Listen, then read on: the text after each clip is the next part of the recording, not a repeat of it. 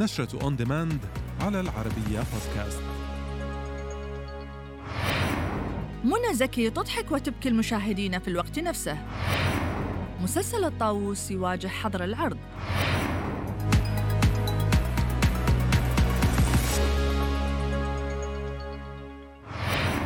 استطاعت الفنانة منى زكي أن تجعل مسلسل لعبة نيوتن في صدارة المسلسلات الأكثر متابعة في السباق الرمضاني.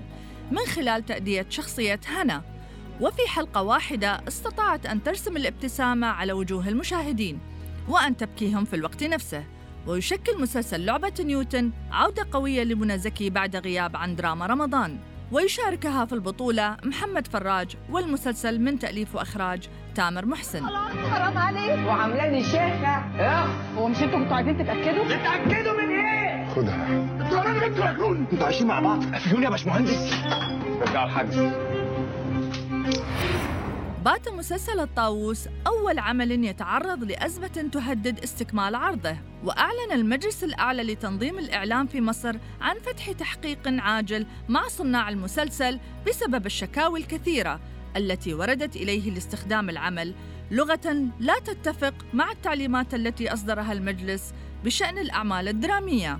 يذكر أن مسلسل الطاووس من بطولة جمال سليمان وسهر الصايغ وسميحة أيوب ويتناول ظاهرة التحرش الجنسي.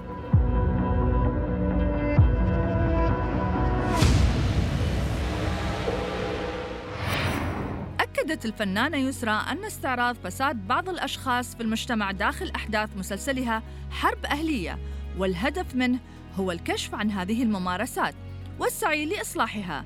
لافتة إلى أن المسلسل لا يبالغ في رصد الفساد وأشارت في اتصال هاتفي ببرنامج التاسعة المذاع على قناة الأولى المصرية أن المسلسل يقدم عدد من الحالات المنتشرة في المجتمع حتى يتم القضاء عليها ومعالجتها.